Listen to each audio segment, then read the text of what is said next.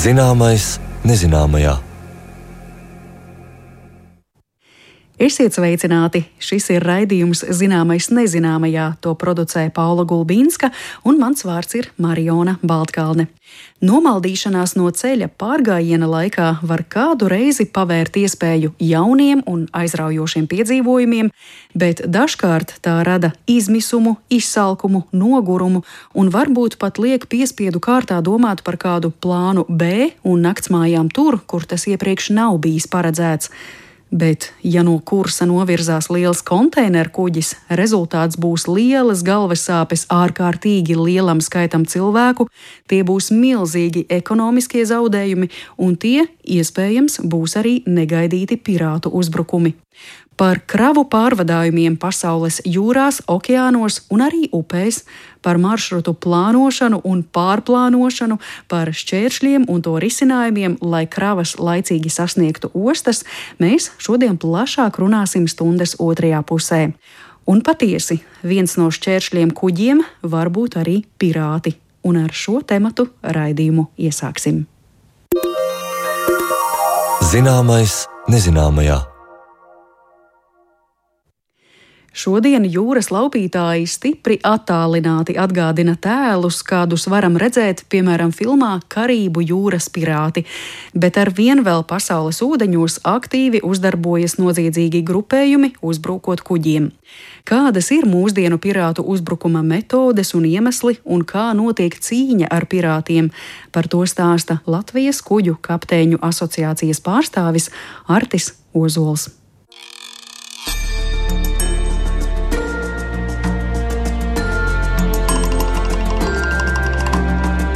Malakas jūras šaurums starp Sumatru un Malaiziju, Āfrikas rietumkrasts, Dienvidķīnas jūra starp Vietnamu un Filipīnām, Adenas līcis pie ieejas Sarkanajā jūrā, Indijas okeāns, Karību jūra.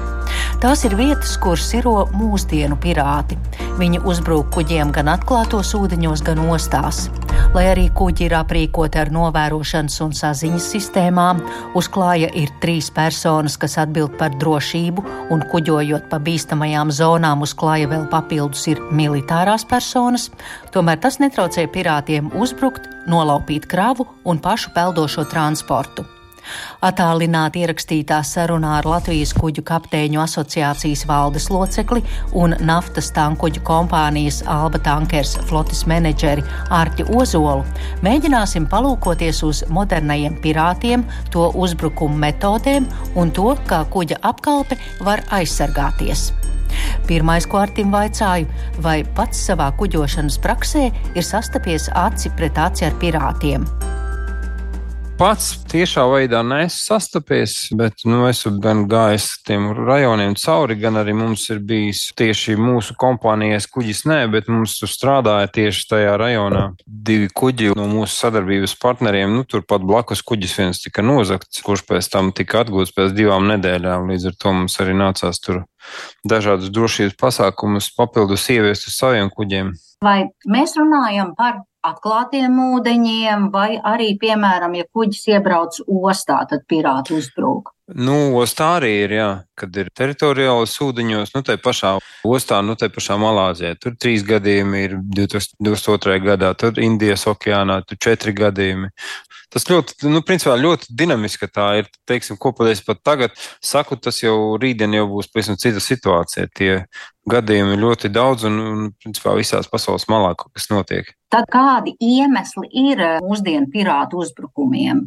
pamats ir nu, kaut kāda glabuma gūt. Vai nu tur nozag kuģi, vai nu tur atkal pie rietumu krasta izteikti ir arī tur vairāk tiem kuģiem nezūgt viņus, bet vairāk tīri apzog ekipāžas un tad mēģina kaut kādas, nu, piemēram, mums tas gadījums bija, kad sadarbības partneriem, tur, ko kompānija, viņai uz kuģa uzsēdās tie pirāti un apzaga ekipāžu. Mēģināja nozagt kravu, degvielu, kas bija uz kuģa, bet, nu, tur tā diezgan banāli nezinot neko, Viņi nu, atlaida tur gan to kapteini, gan vecāko mehāniķi. Tāda materiāla labuma principā. Gan arī tur ir mēģināts kraus, gan arī kaut kādiem maziem kuģiem, zvejas kuģiem, ko pašu kuģi iegūt, ko viņi pēc tam var izmantot kā savu kaut kādu bāzes kuģi. Domāju, daudz ir lasījuši Stevensona bagātības sala vai skatījušies Karību jūras pirāti, kur pirāti viņiem ir kuģis, kur ir eh, šis karoks ar miroņu galvu un sakrustotiem kauliem.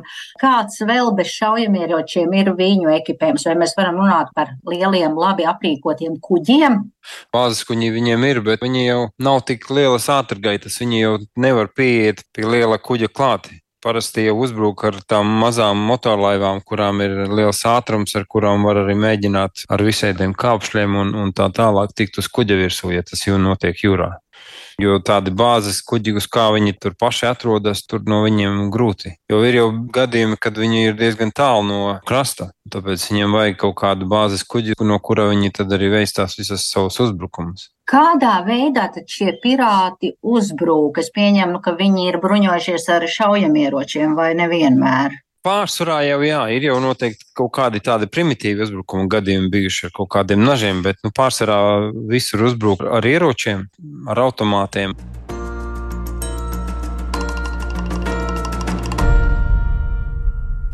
Kā bāzes vietu pirāti izmanto nolaupītos kuģus, bet bieži vien ar militāristu palīdzību šie kuģi tiek atgūti atpakaļ, teica Artis Ozols. Kā ir lasāms jaunākajā Starptautiskās jūrniecības organizācijas ziņojumā, kas iznācis pagājušajā gada aprīlī, statistika par pirātu uzbrukumiem 2022. gadā. Tad par ieročiem tiek izmantoti dažādi šaujamie, granātas, bet visvairāk, konkrēti 30 uzbrukuma gadījumos, tika izmantoti naži. Visbiežāk esam dzirdējuši par Somālijas pirātiem, kas aktīvi sāka darboties 21. gadsimta sākumā, uzbrukot starptautiskajiem zvejas kuģiem. Biežo uzbrukumu dēļ šobrīd šis reģions tiek kontrolēts, un daudz nedrošāka situācija kuģotājiem ir pie Āfrikas rietumkrasta. Artis Ozols turpina stāstīt par to, kādi ir drošības pasākumi kuģojot pirātu kontrolētajos rajonos pie Somālijas krastiem tur ir tie drošie reģioni, kurie tur ir militāro kuģu pavadībā. Kuģi nu, iziet tos sektorus, kur parasti pamat uzbrukumi tika veikti vai tiek vēl veikti. Un tā, tajos rajonos arī tā militāra kuģu klātbūtne visu laiku ir. Tur konvojas notiek, kad militārais kuģis iet priekšu, un tad ierindojas tajā konvojā un seko savam militāram kuģim. Bet nu, tajos rajonos jau diezgan tā nu, tiek panākta kontrole to pirātu. Tāpēc arī varbūt rietumkrastā viņš daudz vairāk tie uzbrukumi. Pieminējāt, ka var atgūt tos kuģus. Kā tad notiek? Vai tur tiek iesaistīti kādi starptautiskie jūras spēki, armija, militārā policija, lai atgūtu krāvas vai kuģus? Militārās klātbūtne tur ir visos reģionos. Piemēram, mēs saviem kuģiem ejam tajos rajonos, mēs jau vienmēr ņemam militāristus uz kuģa. Divi vai trīs ar automātiem, kas apsargā, un ir, ir, ir viens menedžeris, kas viņus menedžē tā atgūšana ir, nu, tā ir tikai vienīgā militāristu palīdzība. Bet, ja mēs runājam par cilvēku upuriem, tad cik bieži tie ir, kad uzbruka apkalpes locekļiem, vai arī tie tiek nolaupīti un kā ķilnieki saņemti gūstā? Jā, nolaupīti ir nu, diezgan, piemēram, nu, nolaupīti 21. gadā 57 cilvēki, 20. gadā 135, 19. 134 un 22. gadā bija divi tikai. Tā kā, nu, jā, tas ir statistika krītās, bet ir, jā, joprojām vēl. Ir arī, kad nogalināti ir bijuši. Vai kaut kādā veidā arī kuģu apkalpēm, krāvas vai zvejas kuģu apkalpē tiek mācīti kaut kādi vai aizsardzības paņēmieni, vai tiek izsniegti ieroču aizsardzībai? Nu, ieroči netiek izsniegti, tā nevar tik vienkārši tos ieročus, tur jau jābūt citai apmācībai un citi riski un, un tā tālāk, bet tāpēc mēs ņemam militāristus uz kuģiem, Kuģis tiek sagatavots, tiek sagatavots iešanai pirātu rajonos, ir drošības līmeņi, kad kuģim paceļ drošības līmenī no 1 līdz 3, piemēram, un ir vadlīnijas vesela virkne izstrādātas tieši kuģojot pirātu rajonos, kā kuģi sagatavot, gan likt tos, teiksim, kaut vai, piemēram, sagatavot tos ieročus, nu, nešaujot, bet ieslēdzot ūdens sūkni, ar ko vērsos uzbrucējiem. Tad arī tāpat ir kuģa bloķēt durvis, tad ir uz kuģiem tāpat arī ir speciāla vieta, kur uz kuģa pulcējās jau uzbrukuma gadījumā, kur viņa tiek bloķēta ciet no iekšpuses, lai no ārpuses netiek neviens iekšā. Un, nu, tur ir jābūt arī visiem racionam, gan ēdienam, gan ūdenim, gan arī komunikācija uz ārieni, nu, ja ir lielie uzbrukumi. Vai to var atklāt? Jūs minējāt to trešo augstāko drošības līmeni, vai var paskaidrot? Parasti ostā ieejot arī ostā ir drošības līmenis, kas noteikts, teiksim, viens. Ja tas ir drošības līmenis viens, nu, tad, tad tev nav nekam jāgatavojas. Tad tev ir parastā kuģošana jūrā, tas skaitās. Numur divi, tad jau tu palielina to drošību, veids kaut kādas papildus pārbaudes un sagatavošanās. Nu, un trīs jau tas ir pats stingrākais, kur jau tad ir papildus ekipāža, papildus novērošana, papildus riska analīze, apmācība un tāda sagatavošanās. Tiek aizslēgtas ciet durvis no iekšpuses, lai nevar no ārpuses iekļūt. Tiek papildus veikta novērošana, papildus ekipāža tiek uh, uz tiltiņa saukta, lai varētu novērot uh, apkārtni, kuģus, vērot apmācības tiek veiktas, un tad ekipāža ir sagatavota jau. Nu, daudzos gadījumos jau vislabākais ir Tomēr, ja kuģim tāpat viss ir apdrošināts, ir labāk padoties, lai nu, netiek neviens ievainots, jo nu, varoņus tur tēlot nevajag jūrā, jo tad var arī sliktāk būt. Nu, lai gan ir arī citi gadījumi, kad uzbruk ekipāžai un tur pazemo un tā tālāk, tāpēc tur labāk jau ir kaut kāda droša vieta un telpa kur tu vari nogaidīt, līdz kamēr atnāk tevi glābt. Tāpat, ka jau arī ir visādi drošības tie ziņošanas metodes, kā var uzvesties ekipāža tieši šādos gadījumos. Tāpat arī uz kuģa tiek veikta apmācības. Viņi ekipāžu veic uz kuģa, gan arī ar krastu, kā uzvesties, ko darīt, ko ziņot. Bet es domāju, nu tagad, ja 21. gadsimtā mums ir, kā saka, mēs varam to lokāciju ar, ar, ar rācijām, satelītiem, visu var izsekot, var sazināties, ka, nu, es mīnu, ka ir ļoti viegli pateikt, noteikt, kurš ir tas kuģis, kas tuvojas. Parasti tie maziņie kuģi var arī būt, teiksim, kaut kādā tumsā, var arī radiolokatoru lokācijas palīdzību nepamanīt. Tieši tajos pirātu rajonos, kā jau minēju, tur arī tas drošības līmenis uz kuģa tiek pacelts. Gan ar binokļiem, gan ar nakts redzamību tu skaties, gan arī ar radiolokatoru palīdzību. Tā tā arī tiek novērošana palielināta, jo īpaši ejot tajos rajonos. Citreiz tu jau arī nezini, ka tas ir kaut kāds uzbrucējs, ja tur tas nav tik izteikti bīstamais rajons. Viņi jau nāk ar tādiem maziem kuģiem, kas ir daudz ātrāki nekā, teiksim, lielais kuģis. Protams, ka mēs lielo kuģi arī tiek veikti manevri, lai biedētu tos uzbrucējus, bet, nu, jā, tomēr incidenti notiek.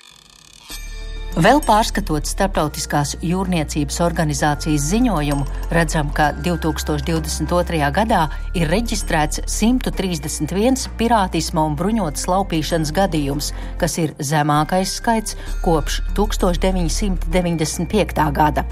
Lai arī pirātu uzbrukumu skaits ir samazinājies, tomēr viņi turpina darboties, un, kā dzirdējām Latvijas kuģu kapteiņu asociācijas valdes locekļa un naftas tankuģu kompānijas Alba Tankers flotes menedžera Arta Ozola teikto, pirātu vēlmes ir tādas pašas kā senāk.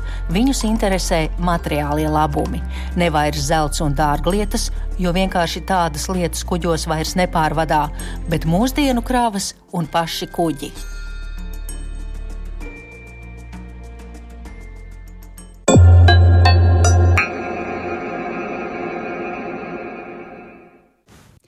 Tāds lūk stāsts par mūsdienu pirātiem, un ar to kolēģis Zanes Lācis Baltāksnes veidotajā sižetā iepazīstināja Latvijas kuģu kapteiņu asociācijas pārstāvis Artis Ozols. Pirāti noteikti varētu būt šķērslis lielajos kravu pārvadājumos pasaules ūdeņos, taču pirāti noteikti nav vienīgais iemesls, kas varētu ietekmēt piegāžu ķēdes. Cik intensīva ir satiksme jūrās, okeānos un upēs, kas to aizkavē un kas ir pasaulē un Eiropā lielākās ostas? Par to vēl viena aizraujoša saruna mūsu raidījuma turpinājumā pēc brīža.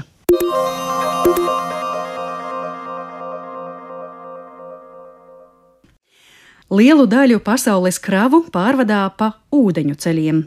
Tā ir intensīva, sarežģīta asinsrite, un, teiksim tā, jebkurš tromps tajā var paralizēt normālu tirzniecības un ražošanas apriti. Kā top maršruti piegādes ķēdēm un kāda ir situācija ar kuģošanu bīstamos ūdeņos? kā jūrnieki izrēķina maršrutus un kā izvairīties no iestrēgšanas pasaulē noslogotākajās ostās un kanālos. Tie būs jautājumi raidījuma turpmākajām minūtēm, ko pārunāsim kopā ar mūsu studijas viesiem. Un tie ir Rīgas Tehniskās Universitātes, Latvijas Jūras akadēmijas jūrskolas profesionālās izglītības skolotājs, jūrnieks Jurijs Sendriks. Labdien! Sveicināti visiem! Un eh, viņam pievienojas Rīgas Tehniskās Universitātes docente Līga Millere Krūma. Labdien! Labdien! Es eh, ievadā minēju, ka lielu daļu pasaules kravu pārvadā pa ūdeņu ceļiem, bet būtu interesanti saprast to patieso ainu nu tā precīzāk, jo daudzi cilvēki noteikti būs redzējuši kartes, kas ataino avio satiksmi debesīs. Tur parasti ir tāds pamatīgs muģeklis, nu tā, tā, tā ir ļoti intensīva satiksme, vai ar kuģiem ir tāpat, attiecīgi par kādiem tiešām tad mēs apjomiem un satiksmes intensitāti runājam pasaules jūrās. Īstenībā, jā, tas kā arī ar aviāciju, līdzīgi arī ar kuģiem, ir aplikācijas dažādas, kā piemēram vispopulārākā marina trafika, bez maksas pilnīgi var apskatīt uh, visas tirsniecības ceļus, kādi kuģa tipi interesē visvairāk. Jā, tieši arī šobrīd esošo kritisko situāciju sarkanā jūrā. Mm. Tur ir tiešām spilgti izteiktas, jā, kā kuģa satiksmes druskuļi bija paralizēta. Tāpēc pilnīgi tas pats, ja paskatītos uz to aplikāciju, tur nu, tukšas vietas nav, jo kuģis ir daudz un visādi. Jā. Tas, diemžēl, jā, ir pat trakāk nekā aviācija. Mm. Sarkano jūru jūs domājat uh, nemierus kas tur kādu laiku ir izcinājušies? Jā, visvairāk, eh, diemžēl, ir eh, situācija kritiskā ar konteineru kuģiem pārvadājumiem. Kāpēc? Jo šobrīd ir tā katastrofāla situācija attiecības ar Jemenu, Izraēlas un Gāzes, un eh, konteineru kuģi visvairāk ir pakļauti to, ka viņi iet viņus ostās. Un tas ir viņu konflikts. Viņi vispār neakceptē kā tādu, ja kāds iet svešā, tas viņu ienaidnieku ostā. Un tas arī tas provocē, ja un paskatieties statistikas datus, ja, piemēram, naftas tankuģi gandrīz kritums nav uh, piefiksēts, jā, bet, uh, piemēram, uh, mašīnas pārvadātāja bija kritums un visvairāk bija konteineru kuģi gandrīz uz 50%, jā, ja mēs paskatītos salīdzinātu pagājušo gadu, tieši tas decembris. Tāpēc, protams, tas arī mūs ietekmēs, jo, ja katrs no iedzīvotājiem paskatīsies istabā, kas viņam ir apkārt, gandrīz viss tas ir pārvadāts strādāts ar eh, konteineru kuģiem, tāpēc, mm. diemžēl, ietekme ir ievērojama. Nu jā, mēs, protams, ikdienā lietojam daudz produktu, kas ir ražoti Latvijā vai tuvākajās valstīs. Ir kādi vietējie pārtikas produkti vai citur Eiropas Savienībā ražotas preces, un vienlaikus, jā, Jurī, kā jūs minējāt, ja mēs tā plašāk papētītu, kas mums mājās ir, dažādas preces, kaut vai ikrīta kafija un saimniecības preces. Tās, protams, visas ir audzētas un izgatavotas citur.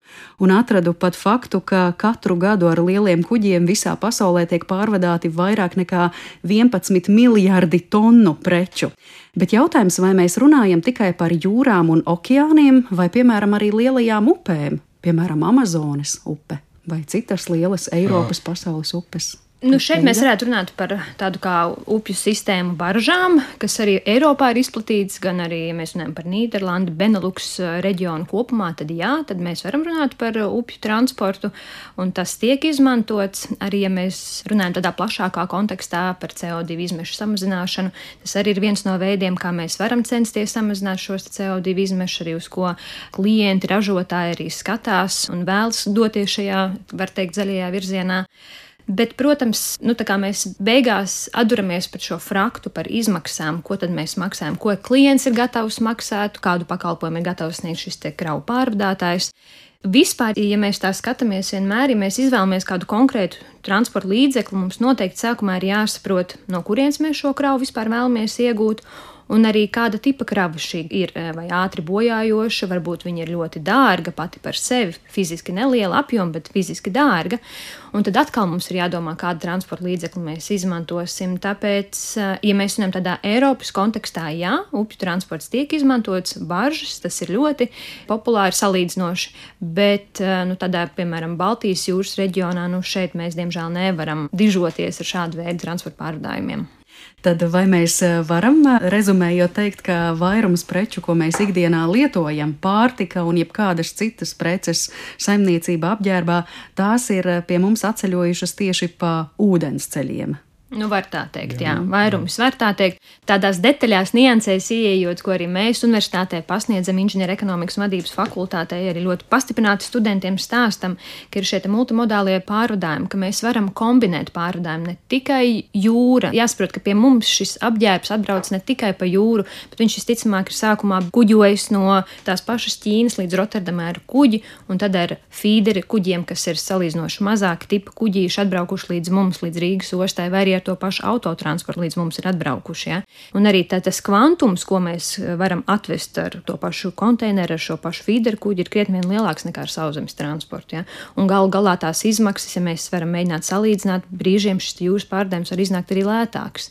Bet, nu, protams, jāsaprot no virzieniem un cik ātri mēs vēlamies to savu preci saņemt. Mhm. Jā, protams, arī atkarīgs no noliktavas, jo hubu ostam ir eh, vairākas vietas, ir tas noliktavas, un tāpēc dažreiz viņam ir pa taisno, piemēram, uz Rīgas ostu ostu ir izdevīgāk, kaut minēta tiešām mana kolēģi, atvest. Dažreiz viņam ir izdevīgāk tomēr atvest viņu noliktavā un ar mašīnām piegādāt preci, un tas būs arī diezgan ātri. Jā. Protams, ja kurš īpašnieks viņš mēģinās to izdarīt pēc iespējams izdevīgāk sev, jā, lai būtu mazāk izmaksas, bet preci būtu piegādāta laikā. Mm. Es tieši atcerējos arī no savas personīgās pieredzes ap Ziemassvētku laiku, virmo dažādas reklāmas internetā, kur tu vari vienkārši nopirkt preci, bet tu jau patiesībā nezini, nezini, no kurienes tev to sūtīs. Un eh, tas, ko vienīgais tu vari izdarīt, tev atsūta saiti, kur tu vari sekot līdzi preces eh, sūtījumā posmiem. Uh -huh. Un īstenībā man bija ļoti interesanti, jo tikai tad es ieraudzīju, ka šī prece sākotnēji man tiek sūtīta no Ķīnas.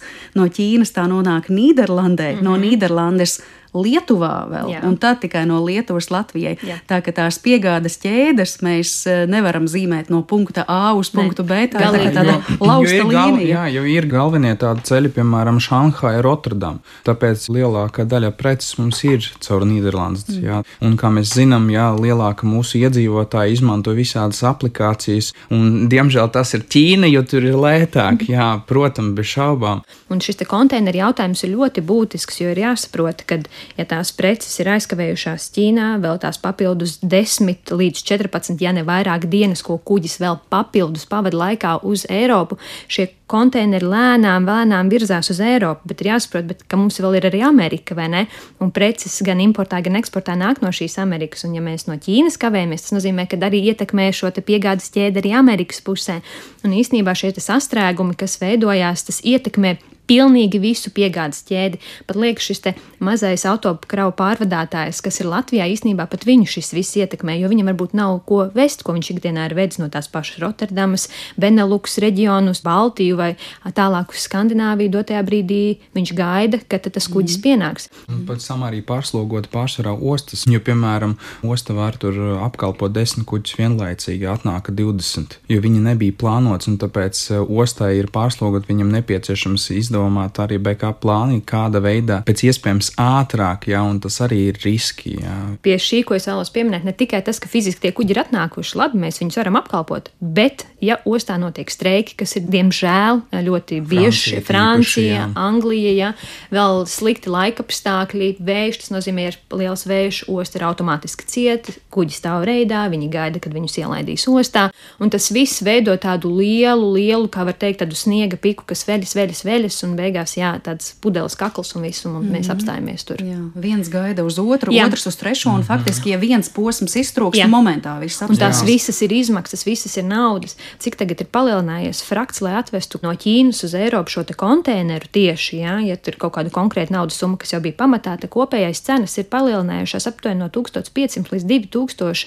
amerikāņu dolāriem. Šis tas frakts, kas ir palielinājies vēl plusā pie tā, kas jau ir bijis. Tā kā, tās izmaksas ir milzīgas. Gal galu galā mēs jau kā patērētāji maksāsim par to. Tādēļ arī ir tā tendence, ko arī pamana tagad, gan teikt, Baltijas reģionā, arī Polija. Viņi sāk meklēt alternatīvus tirgus, kur tad mēs varētu dabūt šo preci, produktu, izēju materiālu ātrāk, varbūt pat lētāk. Nu, tā ir Rumānija, Turcija, tādas valstis, kas mums ir tuvāk salīdzinoši, mēs ātrāk varam šīs preces arī iegūt. Mm. Tā ir tā realitāte. Mēs vienkārši mainām fokusu. Kas ir varbūt, ja var pieminēt Covid laiku, tad sākumā visiem likās un bija bail, ja mēs runājam par transporta pārvadātājiem, kad uh, manīsim lielu kravu pārvadājumu kritumu, ka viss apstāsies. Tas bija tās lielākās bailes, bet tā realitāte Covid laikā parādīja, ka nē, ka cilvēki, ja mēs sākām izmantot iepirkties internetā, sākām vienkārši sevi izklaidēt, iepērkoties, kā rezultātā notika tas, ka kravu apgrozījums palielinājās, kravas sāka pasūtīt, kuģi bija pilnāki, kravas nāca, plūda un bija pilnīgi pretējs efekts. Bija, mhm. bija, jā, jo Covid laika man likās, būdami jūrā, ka man vairāk darba nekā parasti, jo tiešām kā tramvaja skraidījām. Bet labi, tad es saprotu, ka viens risinājums, ja mums rodas problēmas, kaut kādas aizkavēšanās, ka mēs vienkārši meklējam, kur mēs tuvāk varam dabūt tās preces un pakalpojumus, ko mums vajag. Bet otrs risinājums, ja mēs jau manām šajās aplikācijās, par kurām mēs sākumā arī runājām, ka tā satiksme ir kaut kur sastrēgusi, vai mēs varam jau laikus mainīt kuģu maršrutu, jo, piemēram, autobraucēji zina, ka viņiem veizi vai citas aplikācijas ziņo, tur tev priekšā ir šķērslis. Tātad autovadītājs var braukt pa apkārt ceļiem, lai nonāktu tur, kur vajag. Vai to ir tik vienkārši izdarīt ar milzīgiem kuģiem, mainīt maršrutu? Maršrutu, protams, bez šaubām var mainīt. Vienīgais ir problēma ar to, ka dažreiz ir diezgan nokavēta situācija, tas pēc laika, jo informācija nonāk sākuma tāds, nu, it kā kaut kas notika, bet nav tik traģiski, un tāpēc arī tā situācija ar Evergreenu, kas notika Suētas kanālā. Visi tomēr vēl cerēja, ka kaut kas būs, jā, un īstenībā visi domā, nu labi, tur viena diena, divas, jā, bet uh, tomēr, ja iet apkārt, tad ir ir krietni ilgāk tas viss posms, un tāpēc tur arī bija virkne ar sastrēgumiem. Tie, kas īstenībā bija vinētāji, tie, kas bija drusciņi vēlāk, līdz viņam jau nonāka tā situācija, ka tomēr tur ir kritiski un viņš ir iesprūdis tur, un tāpēc viņi mainīja jā, to maršrutu. Ja mēs runājam no navigācijas plānā, īstenībā maršrutu mainīt, tur ir vairāki faktori, kuri jāņem vērā. Vai kuģis vispār tajā posmā bijis iepriekš, jā, tad ir saglabāti gan maršruti, gan informācija par tiem, kas ir tas bīstamākie šķērsli, kad kādi riski varētu būt. Bez šaubām, jebkuru posmu, ka pat ja mēs tur bijām entas reizes, tiek pārbaudīts navigācijas turmenis, jā, kādi varbūt papildus šķērsli var rāsties tajā posmā. Bet tas ir nu, laiciņš, jā, kas aizņem. Protams, ja mēs esam okeānā vidu, nu, kā situācija, mēs izgājām no Singapūra, ejam un tagad mums jāizvēlas vai nu uz Suecu jāiet vai uz Cape Townu. Jā. Tur, protams, ir vienkāršāk. Tie, kas stāv uz līnijas, viņiem ir vienkāršāk, jo viņiem viņiem ir divi posmi, kā piemēram šajā situācijā, konteineru kuģim. Jā. Divi tikai maršruti. Viņam jau varētu būt jau sagatavot laicīgi, jau nonāca tā ziņa, ka kaut kas nav ok, laicīgāk jau būdimi vēl uz esoša pārgājiena plāna, kur tiešām viss ir droši. Mēs plānojam papildus tā kā avārijas eh, variantu. Eh, bet uz tirniecības kuģiem, piemēram, naftas ķīmiskie tankuģi, viņi bieži vien vispār nezina, kur jāiet. Viņi vienkārši iet kaut kādā virzienā, viņiem ir iedoti trīs galvenie, bet viņi saņem pēdējā brīdī to informāciju, tad kur tā ostā būs. Ja?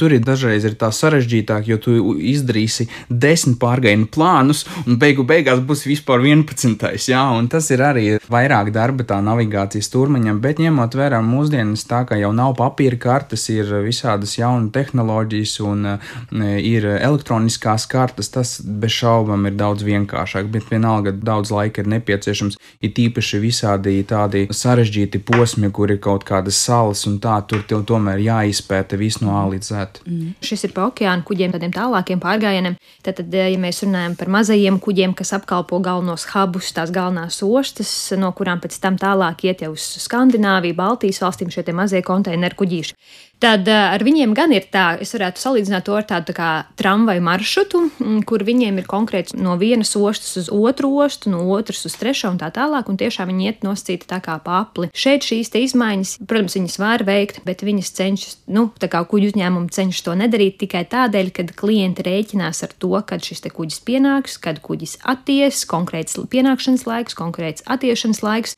un tādēļ viņi arī tiešām stāv uz tādas tā kā līnijas un brauc un iet tajā savā maršrutā. Arī mēs, kā Rīgas osta, esam vairākām kuģu līnijām, kā viens no galvenajām piestātnes vietām, kur arī šie kravi tiek uzkrauti, nokrauti, un klienti arī attiecīgi rēķinās ar mm. to. Nu, droši vien jau arī kuģa izmērs nosaka to, cik eh, viegli un cik ātri var kaut ko manevrēt un mainīt maršrutu. Tādu milzīgu, nu, teikšu tā, gabarītu tu nevari viens un divi pagriezt pa kreisi vai pa labi. Šaubam, ja mēs iesim ar milzīgo, nu, līdzīgi kā, piemēram, visi zina, jā, to Evergreen, Suets kanālu, nu, mēs nevarēsim apgriezties. Mums vajadzēs pilnīgi šķērsot visu Suets kanālu, tur tad jāpiesakās tajā rindā un tad jāiet atpakaļ. Jā. Tādos gadījumos bez šāvām, jā, bet okeāna, protams, tas ir daudz vienkāršāk. Mēs vienkārši mainām kursu, gandrīz nu, plus mīnus tajā pašā punktā, jā, nosacīti, un ejam citā virzienā. Jā. Vienīgais jābūt tiešām pārgājiena plānam gatavam. Šis man patīk. Pārgājiena plāns kuģim izklausās labi. Mūsu sarunā līdz ar to jau ir izskanējušas vairākas problēmas un šķēršļi, ar ko saskaras kuģi savā satiksmē. Tātad infekciju slimības, covid-19, viena kuģa sastrēgums, kas ietekmē citus, tāpat arī streiki, darbinieku streiki, pirāti, ja, vai arī laikapstākļi var ietekmēt to visu. Jā, ļoti. Šaubām, jā, jā tīpaši, piemēram, šobrīd ir kritiskā situācijas Panāmas kanālā. Viņiem ir divas slūžas, kas tiek izmantotas un īstenībā šķērso diezgan milzīgi kuģi, jā, un arī konteineru kuģi, bet dēļ laika apstākļiem viņam ir diezgan katastrofāli nokrišņu daudzums. Precīzāk, jo, viņu nav. Jā, viņu nav viņu vienkārši, nav. un līmenis gandrīz samazinājās nu, mm. nu, aptuveni tur uz diviem metriem. Ja ņemot, piemēram, naftas tankuģis kaut kāds ar uh, iegrima 12 metri, jāšķērsoja, viņš pārvadāja nu, diezgan daudz kravas. Divi metri tas ir krietni daudz, tas kravas apjoms ir mazāk. Papildus ir rindas, jo iepriekš, ja, piemēram, bija pārsvara ikdienas 36 kuģi, jā, dēļ tiem nokriešņiem viņi bija samazināti, un šobrīd janvārī viņi atsaka mazliet, tagad 26, ja nemaldos, kuģi tiek laisti, tāpēc tas ir rindas. Un, ja mēs pieņemsim piemēru New York un San Francisco, jā, nosacīti, ja mēs ejam caur Panamas kanalu, nu, tur aptuveni 6000 km. Bet, ja mēs ejam ap to Dienvidu Ameriku, tas jau ir ap 20 000 km. Jā, tas atkal degvielas patēriņš milzīgs, un tas atkal ir aizkavēšanas jā, ķēdes, un tas ir diezgan problematiski. Un tur īstenībā nav ne pirātu, nu, tur ir jā, uzbrukumi kaut kādi minimāli, bez šaubām, jā, bet tas jau ir laika apstākļi, uz ko viņi nevar nekādi ietekmēt. Jā. Jo tas viss reģions īstenībā mm -hmm. cieš šo sausumu, un tas ietekmē ne tikai kuģu pārgājienu, bet tad ir jautājums arī, kas notiek ar tiem cilvēkiem turpat blakus. Vai tad mēs fokusējamies un atbalstam biznesu un mēģinām to ūdeni kādā veidā krāt, savākt, un vai tomēr kas tad notiek ar tiem cilvēkiem? Mm -hmm, jā, tas jā. ir diezgan tāds uh, divpusējs un diezgan smags jautājums. Viņam sākumā bija viens kanāls, viņi blakus uztaisīja otru, tāpēc tas mazliet noņēma to pārslogojumu, bet uz laika apstākļiem mēs diemžēl nevaram ietekmēt. Mm -hmm. Jo ņemot vērā to, ka tas Panamas kanāls viņš ir kā piramīdā, jā, jo viņi iet uz augšu, uz ezeru, pēc tam iet uz apakšu. Un, jā, tur ir trīs uh, slūžas, nu, divas faktiski jāšķerso, gan viena virziena, gan otrā virziena iziešana jau Atlantijas. Okeāna, ja mēs ejam no Klusa okeāna.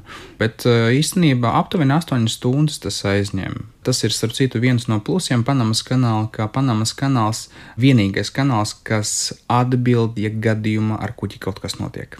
Tāpēc varbūt dēļ tiem laikapstākļiem, iegribams ierobežošanai, viņi izdarīja tā, ka viņi samazināja to kuģu skaitu, kas var šķērsot ikdienas to kanālu, un varbūt papildus visādas nianses ievietoja jā, tajā mm. procesā visā. Mm. Un tāpat jau noteikti ir kuģi, kuri nevar tikt arī šādam Panamas kanālam cauri, kuriem tomēr ir jāšķērso gārais maršruts apkārt. Dienvidamerikas dienvidu ragam. Kritiskais tas ir iegrima, jā, pēc kuras skatās, jo kuģi īpašnieks arī viņš domā, vai viņam ir vērts nu, vēst caur Panamas kanālu pustukšu kuģi. Mm. Nu, viņam varbūt ir izdevīgāk paņemt visu kravu un kaut kur Dienvidamerikā atrast kaut kur ostu, kur var pārdot kaut kādu daļu no kravas, jā, viņš būs vinnētājs. Tāpēc tur viņš mēģina rast izdevīgāko variantu. Suecas kanāls un e, Evergiven kuģis arī ir jau ienācis mūsu sarunā. Daudziem būs prātā šis 2021. gada notikums. Evergiven uzskrēja uz sēkļa un radīja milzīgu sastrēgumu tuvāko dienu laikā, un tad vēl mazliet iezīmējot to situāciju, 23. martā tajā gadā sānvēja un iespējams arī citu kļūdu ietekmē. 400 metru garais kuģis novirzījās no kursa un 5 e, km uz ziemeļu ziemeļiem no Suecas pilsētas centrā ar priekšgalu iebrauca kanāla malā, kur tad arī iestrēga un aizprostoja pilnībā kustību pa kanālu, un pēc tam nākamo dienu laikā uz 27. martu bija apturēta vairāk nekā 300 kuģu kustība. Nu tad varam iedomāties, kāda tur rinda stāvēja, bet jau 29. marta vakarā kuģis bija noņemts no sēkļa un 30. martā satiksme bija atjaunota. Nu tad varētu teikt, jā, uz nedēļu viss tika apturēts, bet zinot, kāds tas bija milzenis, diezgan ātri arī to problēmu atrisināja. Līdz ar to mans jautājums, kā vispār satiksmi organizē šādās vietās, ko mēs varētu saukt par tādiem šauriem pudeles kakliem, Suecas kanāls, arī tas pats Panamas kanāls, kā to vispār var plānot? Tur vispār īstenībā viss notiek kā pulsens, tāpēc jebkurā situācija, kas var bloķēt kanālu, jā, tas ietekmēs momentāli, jo viss pieteikšanas notiek daudz laicīgi caur aģentu, kas nozīmēts konkrētam kuģim, jā, visas formalitātes jau notiek daudz, daudz iepriekš, tāpēc kuģis jau pienākot, nu, divas dienas, piemēram, ja mēs runājam par Suecu, divas dienas pirms viņš jau zina gandrīz karavānā, numurs viņam ir jau iedots un viņš jau gaidīs konkrētu laiku. Tur arī, protams, nedod Dievs, tu nokavēs to posmu, tur arī tu samaksāsi arī krietni lielu sodu, vai nu vienkārši portautorīti var vienkārši tev atteikt šķersot, vai nepieciešams atkal būs stāvēt rindā tur divas, trīs dienas, kamēr tu varēsi iziet. Tāpēc visas šīs lietas strādā tiešām kā pulkstenis un viss var ietekmēt momentāli.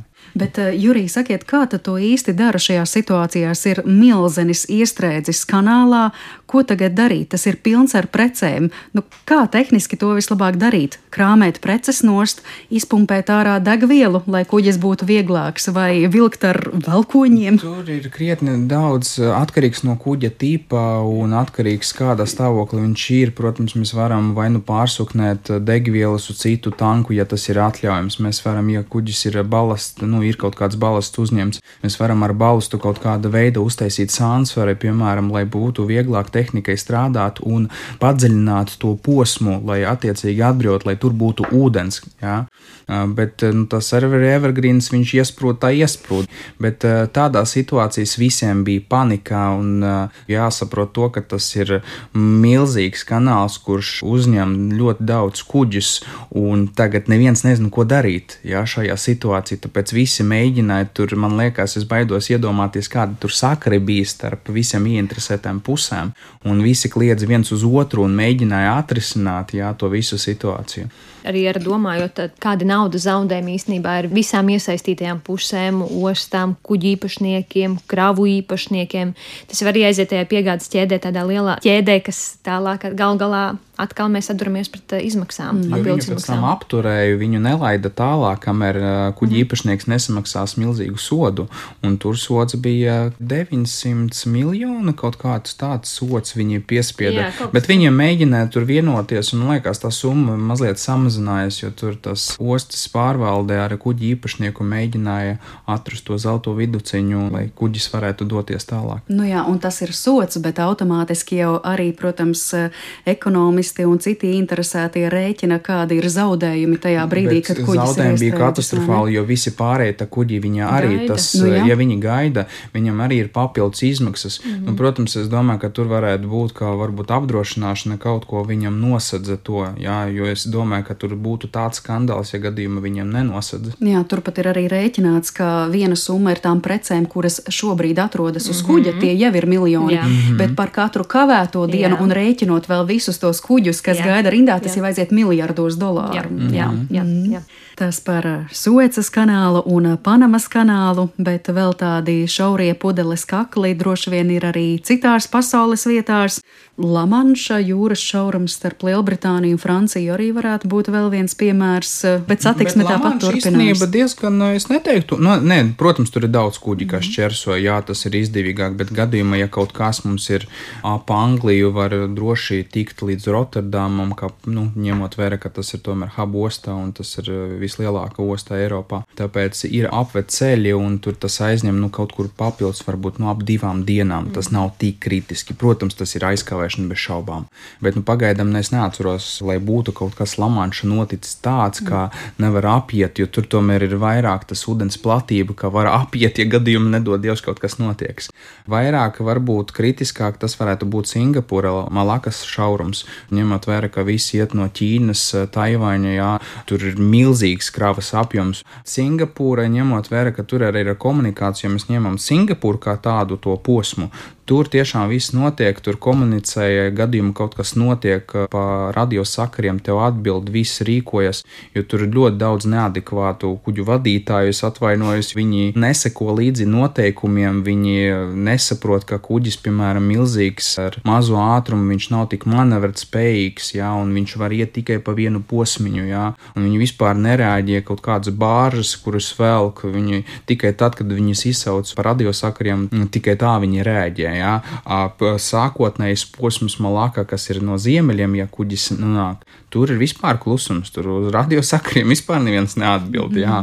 Un tur ir ņemot vērā, ka tur ir vairākas valsts iesaistītas, tur ir ļoti stingri nozīmēts tas maršruts. Un nedod Dievs, tu kaut kur nometīsi enkuru. Tur par to bija vesels stāsts un cirkulārīgi no visādām organizācijām, ka ir konkrētas vietas, jā, pat ja ir nedod Dievs kaut kāds avārijas gadījums, jā, jo tur arī ir visādi kābeli, tur ļoti bīstami problēmas var rasties vienkārši uz normālu, jā, uz līdzenas vietas, jā, tieši jā. tā. Nu jā, Malakas šaurums tas tad sanāk ir īsākais ceļš starp Kluso okeānu un Indijas okeānu, un Tie ir aptuveni 40% pasaules tirzniecības ik gadu, kas iet cauri šim e, šaurumam. Bija Šanhais, man liekas, Singapūrs ieņem otro vietu pasaules tirzniecības. Mm. Tāpēc tur ir tā plūsma, tāpēc ir tie varbūt 40%, mm. ko jūs mhm. minējat. Jā. Bez šīs kādas vēl intensīvākās satiksmes līnijas jūs varētu minēt, un arī pasaulē lielākās ostas. Mums šeit Rotterdama un Nīderlanda jau Eiropas mērogā daudzkārt izskanēja, bet kas šādos topos vēl ieņemtu vietas? Šanhāja, Singapūra, Busana, Koreja. Eiropā es varētu minēt tā pati Hamburga, Antverpenē, mums eh, Polijā Gdiņa ir liela osta no mūsu mērogiem, liela osta, kas var uzņemt šos lielos, lielākus kuģus nekā mēs Latvijā to spējam izdarīt. Ir tā pati Klaipēdas osta arī. Viņa diezgan attīstās, un, ja mēs runājam par šiem pudeles kakliem, tad Dānijas šaurums īstenībā ir tas, kas nosaka, kādi kuģi tad nāk tad pie mums Baltijā, Skandināvijā kopumā, ja tieši iekšēnē ja mēs runājam. Un tad, ja šie kuģi tiek cauri, tad mēs arī esam, un pie mums arī viņi atkal. Jā, mums nav, piemēram, izdevīgi veikt padziļināšanas jā. ostā, jo viens metrs tur ir milzīgas izmaksas. Jā, jā. mums nav jēgas. Padziļināt jā. mēs varam, bet kuģis jau nenāks, un tad tie mm -hmm. ir mhm. vienkārši liekas izmaksas. Mm. Tā jau šie padziļināšanas darbi akvatorijā tiek veikti diezgan bieži, tikai tādēļ, ka no jūras ir šie smilšu sanesumi, un ja ir stiprs vējš no Baltijas jūras puses, nu, tad tieši šie sanesumi ir diezgan lieli, un visu laiku non stop, kā sacīt, ir jāatjauno šī iegrima, lai arī jau esošie kuģi varētu mierīgi turpināt ienākt eh, pie mums mm. ostā. Tad es saprotu, ka Rīgas osta uz pasaules ūdeņa fona nav tāds milzīgs tranzīta punkts. Nu, mēs, ja mēs tā skatāmies, tad Baltijas reģionā mēs esam nu, otrā lielākā osta Rīgas osta. Pirmā ir Klaipēdas osta, tad ir Rīgas osta, tad arī Tallinn un citas. Nu, Polija, jā, Polija tādā ziņā mums izvirzās līderos tādā globālākā jau līmenī, bet nē, kopumā Rīgas ostu konteinerizēto kravu pārkraušana ir bijusi ap 10% palielinājusi. Ja mēs salīdzinām iepriekšējo gadu, tas nozīmē, nu, ka ir potenciāls un ir vēlme kaut ko darīt. Mm -hmm. Arī šis konteineru kuģis, kas MSC konteineru kuģis, kas ienāca pagājušajā nedēļā, pirms divām nedēļām, jā, tas arī rāda, ka mēs tomēr varam pieņemt pie sevis Rīgas ostā gan īsti 4,5 tevus lielus kuģus. Mm -hmm kā tas ir potenciāls. Jautājums ir, jā, kādēļ tik liels kuģis ir ienācis Rīgas ostā? Vai tā ir kā sava veida izdevīgums, konsolidē krāvas, labāk ir pagaidīt, lai šo kuģi piepilda, vai tomēr reizi nedēļā sūtīt mazākam kuģim? Tas arī tas ir kompānijas jautājums. Jā, varbūt arī bija tādēļ tiem visādām nu, aizkavēšanas, tie konteineri gaidīja, piemēram, Nīderlanda, Rotterdama, jā, un tāpēc tas kuģim bija izdevīgāk. Viņš sagaidīja pilnīgi to visu un uzreiz piegādāja. Jā, jā cik Interesanti, iespējams, mēs pat nenojaušam, ka kādi notikumi krietni attālākā pasaules vietā paredz to, kāpēc mums Rīgas ostā pēkšņi ienāk liels kuģis, vai ne? Varbūt tas ir tiešām tāpēc, ka kaut kur kāds ir iestrēdzis, Jā. vai tāpēc, ka ir eh, politiskie nemieri saistībā ar nemieriem eh, Sarkanajā jūrā pirms Ziemassvētkiem. Turpat izskanēja bažas, ka prece nenonāks pie patērētāja mm. tad, kad pieprasījums būs vislielākais ap svētku laiku. Un eh, vēl tad arī jautājums, kā jūs šobrīd eh, vērojat šo situāciju saistībā ar karu Ukrainā, vai arī tas ietekmē piegādes ķēdes un kuģu satiksmi? Graudu es teiktu, jā, visvairāk tas varētu ietekmēt. Jā, ja paskatieties, jā, ka mums, kas publicēt Latvijas jūras administrācija, faktiski publicē tos datus pa ostām, tas visvairāk tam viņam tas bēramkravas. Un mēs, kad runājam par tiem galvenajiem ceļiem Bosforu, tas arī ir, jo tas ir vienīgajā Melnajā jūrā. Jā, citu mums, diemžēl, tur nav. Jā, protams, ir tur viņam tādi plāni būvēt vēl vienu Bosforu, jā, bet tas ir tikai plāns. Bet jā, Bosforu tas arī ir krietni, jo tur ir paslogoti un ņemot vērā, ka tur ir tas aizsardzības līmenis šobrīd ir trešais vispaaugstinātais, jā, jo tur ir kara darbības notiek, tur nav droši, tur arī ir aizkavēšanas visāds. It kā Bosforu strādā, nu, kā strādāja iepriekš, jā, bet tomēr tas arī varētu ietekmēt. Mm. Jā, un par Ukraiņas karu jautājumu runājot, eh, nu, īstenībā ļoti ietekmē, jo jāsaprot, ka ir situācija pirms sankcijas stājās spēkā un pēc sankcijas stājās spēkā, un šīs sankciju paketes viņas kļuva ar vien stiprākas. Tas nozīmē arī konkrēti skrauju ierobežojumi arī tika pastiprināti, un tad varēja ļoti izteikti redzēt, ka pirms šo sankciju stāšanās spēkā Mēs jau visi tikām informēti, ka tāda lieta būs, un tad arī kravu saņēmēji, nosūtītāji viņi pēc iespējas ātrāk vēlējās sakraut, izvest, aizvest. Mm -hmm. Šī kravu plūsma bija īstenībā ļoti liela un ļoti intensīva, un kad šīs sankcijas stājās spēkā, var redzēt tādu pamatīgu kritumu, nu visprecīzāk apstājās. Jā. Nu, neapstājās, tā es negribētu teikt, nu, krietni samazinājās jā, šīs kravu plūsmas, bet pirms sankcijas stāšanās spēkā, jā, ļoti, ļoti viss sarosījās. Ja mēs īstenībā Rīga bija diezgan tāda nopietna osta, jo mēs bijām tā kā habu ostā, jā, no ne, nevar tā pateikt, bet jā, jo tā plūsma, tas ir, hab, tas ir galvenā tā osta, caur kuru plūst tā visa krava, jo mums daudz līnijas bija no Kazahstāna, no Krievijas, no Ķīnā, arī no dzelzceļa puses, jā, tur arī tā milzīga. Kā galvenā tranzīta punkts. Jā, tranzīta punkts, jā, tā var arī teikt tiešām, jā, jo visa tā krava gāja caur mums uz Eiropu, jā.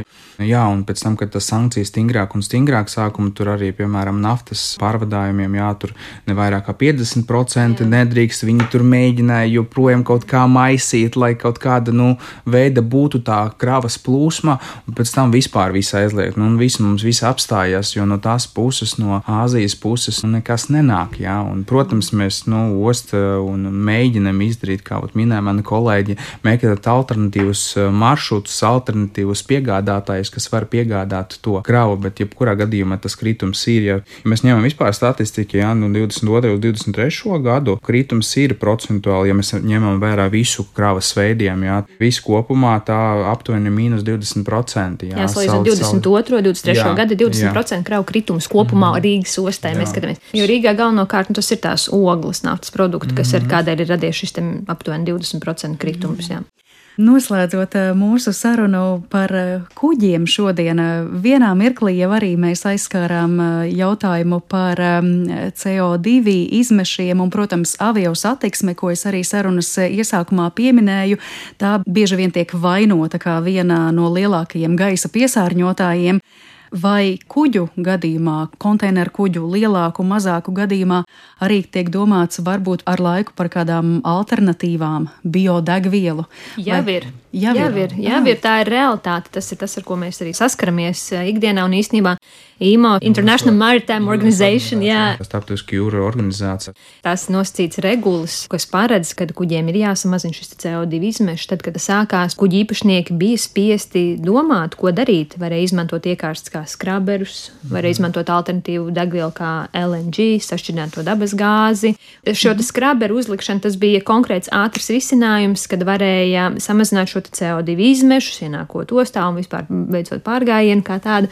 Un tad ir jā, tas jautājums jautājums par jauniem, pilnīgi jauniem kuģiem. Skraberi tas ir Tas tā? ir faktiski attīrīšana, gāzu attīrīšanas oh. iekārta. Ko tu vari montēt uz esošiem kuģiem Jā, jau? un īstenībā tas bija ažiotāža, ka oh, tas ir jauns risinājums. Mm. -hmm. Bet īstenībā daudzās ostas to aizliedza. Tur ir dažādi tipi. Ir aizvērta tipa, ir atvērta tipa un atvērta tipa. Tie visi ūdeņi, viņi nāk uzreiz pa taisno uz jūras ūdeni, faktiski, jā, tā kā pāru. Un eh, tāpēc daudzās ostas, piemēram, savas teritoriālā jūra, viņi pilnīgi aizliedza to izmantot. Un tāpēc viņi ir spiesti pāriet uz dīzeļdegvielu, kas ir krietni dārgāka. Bez šaubām šobrīd top tas ir visādas gāzes, jā, LNG, piemēram, jā, bet tur arī ir visādas nianses, jā, vai metānu mēs izmantojam, vai amonjaku, vai ūdenradi, jā, kas arī izmantojams. Jā, bet tomēr jāsaprot to, ja kuģis jau ir uzbūvēts, pārbūvēts, tas ir krietni mm. milzīgi izdevumi, jo tur visu jāpārbūvē. Nu, ko es jums saku abiem šodien lielu paldies. Daudz labāku sapratni guvām par to, kāda tad izskatās intensīvā kuģu satiksme, kas tur notiek, kādas ir ostas un kā tas īstenībā mēs pat nenojaušam, cik ļoti ietekmē mūs. Klausītājiem atgādināšu, ka šodien ar mums kopā sarunā bija Rīgas Tehniskās Universitātes Latvijas Jūras Akadēmijas jūrskolas profesionālās izglītības skolotājs, jūrnieks Jurijs Sendriks un Rīgas Tehniskās Universitātes docente Līga Millere Krūma. Lielas paldies jums abiem par sarunu, veiksmi darbos, un Jurij, jums lai labs ceļavējš! Paldies! tās. Paldies, Paldies jums! jums! Paldies! Paldies jums, klausītāji, ka pievienojāties mums šajā stundā. Mūsu raidījums šodien ar to arī izskan, un to veidoja Paula Gulbīnska, Zanelāca Baltāksne, Kristīna Delle, Girts Bišs, un pie mikrofona bija Mariona Baltkalne. Uz drīzu sadzirdēšanos un visu labu!